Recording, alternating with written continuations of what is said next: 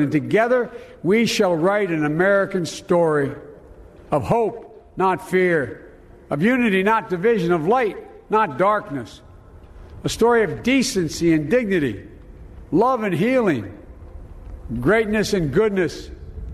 May this be the story that guides us.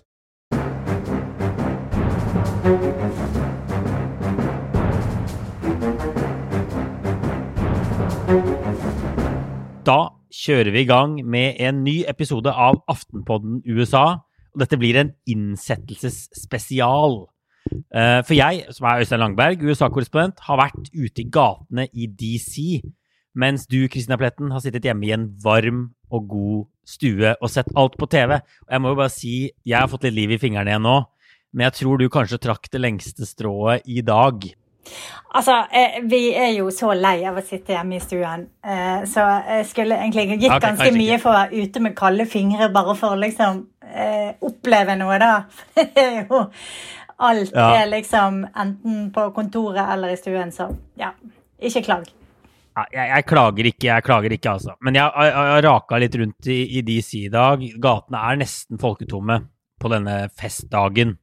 Eh, og det er jo mange grunner til det. Det var, er pandemi. Det er jo lenge, de har jo lenge sagt 'ikke kom', ikke kom. Og så var det dette kaoset, sikkerhetsoppbudet, Mm. stormingen av Kongressen. Og på toppen av det hele så var det rett og slett en skikkelig kald dag. Det er sånn det kan være i DC på denne tiden av året. Kjempekraftige kraftige vinder og, og ned mot null grader.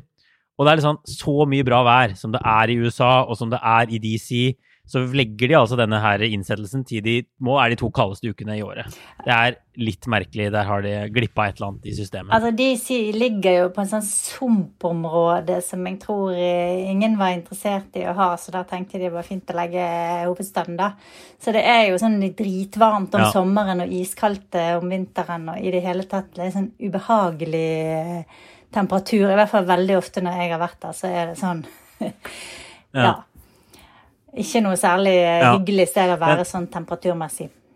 Nei da. Så folk holdt seg unna. Jeg er overraska over hvor lite folk det var, men jeg var litt utenfor Det hvite hus, og der, der ble det litt feststemning. De spilte av edsavleggelsen på en, på en høyttaler, og de, de spilte av talen til Biden, og folk var noen som gråt, og det var, var mange som jubla. Så, så jeg har fått oppleve, oppleve gøye ting i dag.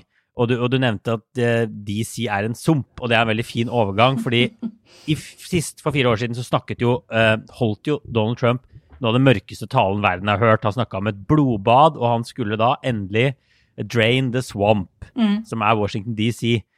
Joe Biden holder jo en helt annen tale i dag, hvor, hvor samhold er det store temaet. Han nevnte samhold åtte ganger, eller noe sånt, ifølge, ifølge opptellingen.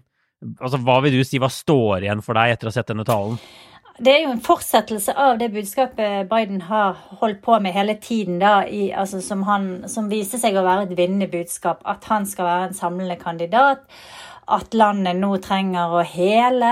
At de må eh, på en måte stå sammen for å overvinne trumpismen. Og også så har han jo kunnet legge til koronapandemien oppå der, da. Så eh, det var jo eh, For meg, det var fint, men det er jo veldig mye sånn tomme floskler, da. Som, eh, som høres veldig bra ut eh, i en sånn setting med korps og, eh, og fine klær og, og, og marmor og alt det der staffasjen rundt. Men eh, jeg er jo veldig spent på hvor mye handlekraft denne mannen har. Eh, og hvor mye han egentlig er i stand til å være en samlende figur. Nå skal jeg kanskje ikke bore meg så langt ned i sånn eh, veldig negativ analyse av det, da, men, men eh, jeg har skrevet bitte lite grann om det i min kommentar i kveld, fordi at eh, Joe Biden har jo tilbrakt hele sitt liv i denne sumpen. Eh, og han Ja. må ta sin del av eh, ansvaret for at USA har så lite tillit til Washington og så lite tillit til politikerne som de har. Så jeg lurer veldig på hvordan han skal liksom gjenoppstå som en samlende figur og som en, eh, en, en som kan reformere dette her systemet og, gjøre noe nytt da, i en alder av 78 og med liksom en hel karriere i Washington bak seg. Det blir spennende å se. Jeg skal ikke avskrive det, men eh, jeg, jeg vil bli litt overrasket hvis, det, hvis han eh, hvis han klarer det. Men så får han kanskje litt drahjelp av det som har skjedd de siste par ukene. Eh, fordi at det har jo Altså kontrasten har jo blitt så stor da, ikke sant? At han, han ser bedre ut ja. fordi at Trump ser så mye dårligere ut, på en måte.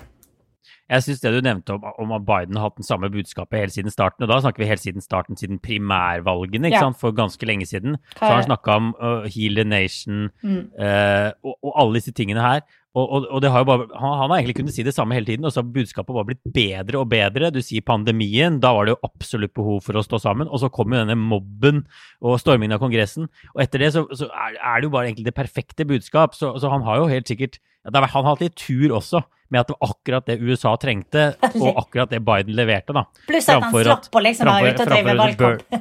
Fordi han kunne liksom bare sitte ja, ja, og skylde på smittevern. Så han har hatt uh, tur på mange måter. Men jeg, men jeg, må si at jeg er litt enig med deg om sånn Etter å ha dekket USA dette siste året og gått rundt i DCs gater, denne militærleiren Jeg, jeg skrev også en, en sånn nyhetsanalyse i, i, i, avisen som sto på onsdag, hvor jeg ganske negativt når jeg leste gjennom det i dag. Uh, uh, og Biden sitt budskap er jo liksom et samlet USA, og det virker jo ganske sånn virkelighetsfjernt når jeg har vært ute også, når man ser hva målingene viser, hvor mange som ikke tror på at han har vunnet valget engang, mm. hvor mange som snakker om borgerkrig, eh, den kynismen som ligger der. Og jeg, jeg syns det var bra at, at, Biden i hvert fall vedgikk at dette kunne virke som en foolish fantasy, yeah. sa han i talen. Det syns jeg var viktig å si, for det, det kan, jo, kan jo, gjøre det. Altså, altså, I hvert fall når vi snakker om å, å, å samle land igjen. altså hva er mulig? Jeg ser for meg han kan vinne over en del republikanere eh, på sin side, kanskje, hvis han gjør en skikkelig god jobb og, og har litt tur og får dreis på økonomien og kontroll på pandemien. Men, men, noe sånn mer samling enn det, det er vanskelig å se for seg. Synes jeg er veldig vanskelig. Ja, altså, jeg tenker at eh, fra mitt ståsted, da så eh, det eneste som egentlig i hvert fall kan ta noen steg i den retningen, det er hvis han driver denne regjeringen med en ekstremt pragmatisk tilnærming. Altså at han bare mm. går etter det som kan gjennomføres, og det som kan funke. Og det som han tror er best for befolkningen. Og prøver å koble seg litt fra eh, alt det partipolitiske, eh, men samtidig klarer å liksom få med seg nok folk i Kongressen og, og liksom eh, ja, virkelig klarer å, å, få banket gjennom noe som folk kan se betyr noe. F.eks. infrastruktur, da, som er veldig sånn at folk ser i hverdagen. Sant? Folk kjører på hullete veier og reiser på bedritne flyplasser. Hvis han klarer å liksom fikse sånne ting, og få med seg noen republikanere ja. i samme sleng, så kanskje kan det være et skritt på veien. Og det som også taler til hans fordel, er jo det da at han, han er 78 år gammel. Han kommer sikkert ikke til å stille til valg igjen, tror ikke jeg. Så han har ikke så mye å tape på å, og på en måte bare forsøke å få ting gjort. Han trenger ikke å, å smiske veldig med, med, forskjellige grupper av partier og sånne ting. da. Så kanskje det kan spille en rolle, men det, det ser i hvert fall jeg på som den eneste muligheten til å ta noen steg mot forsoning. Ja, og i rettferdighetens navn så, så, må man jo si at bare det at å få en president som forsøker å senke temperaturen mm. istedenfor å helle bensin på bålet, det er jo et fremskritt. Det er ikke sikkert at dette landet kommer til å stille seg bak Joe Biden med det første, men, men det er i hvert fall jo, Man må jo bare kunne si at, altså, at uh, uenigheten skillelinjen har blitt verre under Trump. Det er det vel, kan man vel måle, det viser jo alle målinger alt helt tydelig. Så man kan jo håpe at den prosessen i hvert fall stopper opp, da den veien mot avgrunnen eh, gir seg, og at, at, ja, at, blodet stopper. Man får opp et plaster, og så får vi bare se hvor, hvor mye unity det kan bli ut av det til slutt. Mm. Vi, skal, vi skal, snakke litt mer om, om, hva som skjer nå. Vi får også bare nevne Kamala Harris. Jeg snakka med en del svarte damer ute på gata i dag, eh, og det er flere som sier dette er liksom en direkte inspirasjon for meg. Jeg kommer til å jobbe hardere, jeg har lyst til å gå inn i politikken. Det er jo Det drukner litt i alt kaoset, men det er jo det er jo ja, ah. rett og slett en historisk dag. Svarte damer har eh, de har vært underrepresentert lenge. Ja, eh, damer i det hele tatt, da. Ikke bare svarte. Og det har ja. aldri vært en kvinne som har vært verken visepresident eller president, så for meg var jo dette her eh, utrolig stort. Og jeg husker, jeg tenkte tilbake på en sak jeg gjorde for sikkert 20 år siden, Da lanserte de en sånn President Barbie, en sånn Barbie-dukke som var sånn president som hadde sånn uh, suit og Oval Office, sånn pult og sånn da. Det var et sånt sett. Ja. Jeg tror det var Mattel eller en av de som, de som lager Barbie. Og da husker jeg eh, jeg laget en sak om liksom eh, hva er sjansen for at man kunne få en kvinnelig president. Og snakket med en god del folk, og det var liksom eh, en, en fullstendig utopi, da. Og siden den gang så har det jo vært Sarah Palin, som var visepresidentkandidat i 2008, og så har det vært et par kvinner som har prøvd seg som presidentkandidater. Før det siste valgsyklusen så var det vel egentlig bare hun her, altså nå ikke husker navnet på, men som var republikanernes eh, en av republikanske kandidatene i 2016, Fiorina. Fior, ja, Carly Fiorina. Ja, ja, ja. Carly Fiorina. ja, Fiorina. Hun fikk gjennomgå ja, Trump for, for utseendet sitt, selvfølgelig. Det, jo... det, har nesten ikke vært kvinner på banen i det hele tatt. Så egentlig ikke hele denne her, eh, syklusen her, da, med såpass mange kvinner som var kandidater, for uten Camelot Harris så var det vel fire andre eh, som også stilte, som var seriøse kandidater. Mm. Eh, så det har, eh, det har skjedd en, en, revolusjon, og det å se Camelot Harris der var utrolig stort og utrolig emosjonelt for meg også, selv om jeg er en hvit dame fra Norge. Nei, Det er veldig bra. Det blir veldig interessant å følge henne og, og hvordan hun posisjonerer seg mot 2024 og sånn etter hvert. Hun regnes jo som en, en, en, veldig sterk kandidat da. Men altså, vi, vi kan også snakke litt om, om liksom, hvordan mm. verden ser på USA nå. fordi jeg, jeg, har skrevet en sak om det, du har vært inne på det i flere kommentarer. altså USAs omdømme i verden ligger på, ligger på, på bunn etter, ja. etter, fire år med Trump. Det er historisk lavt, i hvert fall i en del alliertes, og særlig de nære alliertes øyne. Og så er det sånn at det har vært lavt før. Det var lavt etter, etter Irak-krigen. Men det er en del eksperter som mener altså Irak-krigen i 2003, da, da Bush, Bush, invaderte, uten støtte fra mange europeiske land. Men, men, det er en del eksperter som sier at this time it's different. Fordi det er, hersker en mye mer sånn usikkerhet etter hvor USA er på vei. Den gangen var det uenighet om en sak. Nå er det mye mer som Jeg intervjuet en som heter Ivan Krastjev, som sa at ingen som vet hvem amerikanerne er lenger. Vi vet ikke hvor de er på vei. Er de på vei vekk? Er de på vei Hvor kommer de til å se om noen år? Eh, Trump kan komme tilbake i 2024. Biden er antageligvis ute om fire år. Hva gjør demokratene da? Eh, så, så, og, og, det kan nok komme til å prege Bidens presidentskap litt òg. At ikke Europa, eksempel, de senker ikke skuldrene og tenker åh, oh, nå er dette over, nå er det tilbake til det gode gamle. For ingen, ingen vet helt hva som skjer likevel.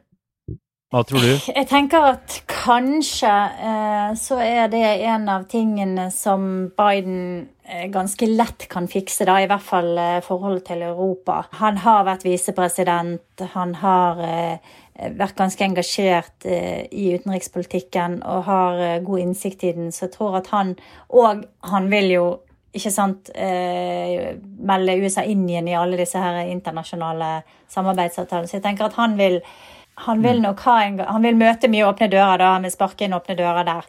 Men det er klart at på en litt lengre sikt så er jo USAs eh, eh, stabilitet eh, trukket i tvil. Altså, folk har jo sett en side av dette landet som er ganske skremmende, og, og kanskje er det mange som tenker at eh, Amerika rett og slett kan bli en farlig nasjon om, om noen år hvis ikke de klarer å få, å få bukt med mm. disse problemene sine. Så, så, eh, så, det er liksom to nivåer her. Er, på den ene siden så tenker jeg USA kan begynne å fungere igjen sånn i internasjonale relasjoner ganske kjapt. Men, men tilliten til de som en stabil kraft er jo svekket, da. Eh, og, og kanskje permanent. Ja, og, og, du skrev jo litt om det i den ene, i ene kommentaren din også. Alle disse som sier dette er Biden har jo elsket å si det. Dette er ikke det ekte Amerika. Dette er ikke dem vi er.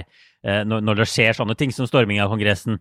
Mens, mens, resten av verden, etter de årene her, da, tenker kanskje jo, det er jo egentlig litt den dere er. Altså, det har jo blitt avslørt noen sider ved amerikansk samfunn altså, Det er vanskelig å se for seg at man skal tilbake til 90-tallet igjen, da. Eksempel, hvor, hvor man så veldig opp til USA på veldig mange områder altså Det handler ikke bare om utenrikspolitikken, mm. men liksom, hvordan samfunnet henger sammen. Uh, det, er en, det, er en, større jobb da, å komme tilbake til den sterke rollen USA hadde på liksom, kulturelt.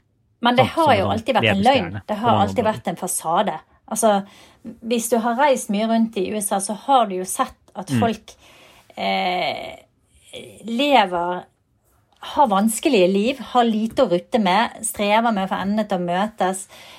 Eh, Staten, eller eh, både delstatene, det offentlige da, systemet, fungerer dårlig. Altså, de der eh, svakhetene som kanskje har liksom kommet til overflaten med Trump, har vært der hele veien. Men USA har vært utrolig flink til å Til å, å liksom drifte den der fasaden, da, som den der supermakten med, eh, med det liksom Best country in the world og alt det der som de, som de driver og, og, og, Sånn mytebygging.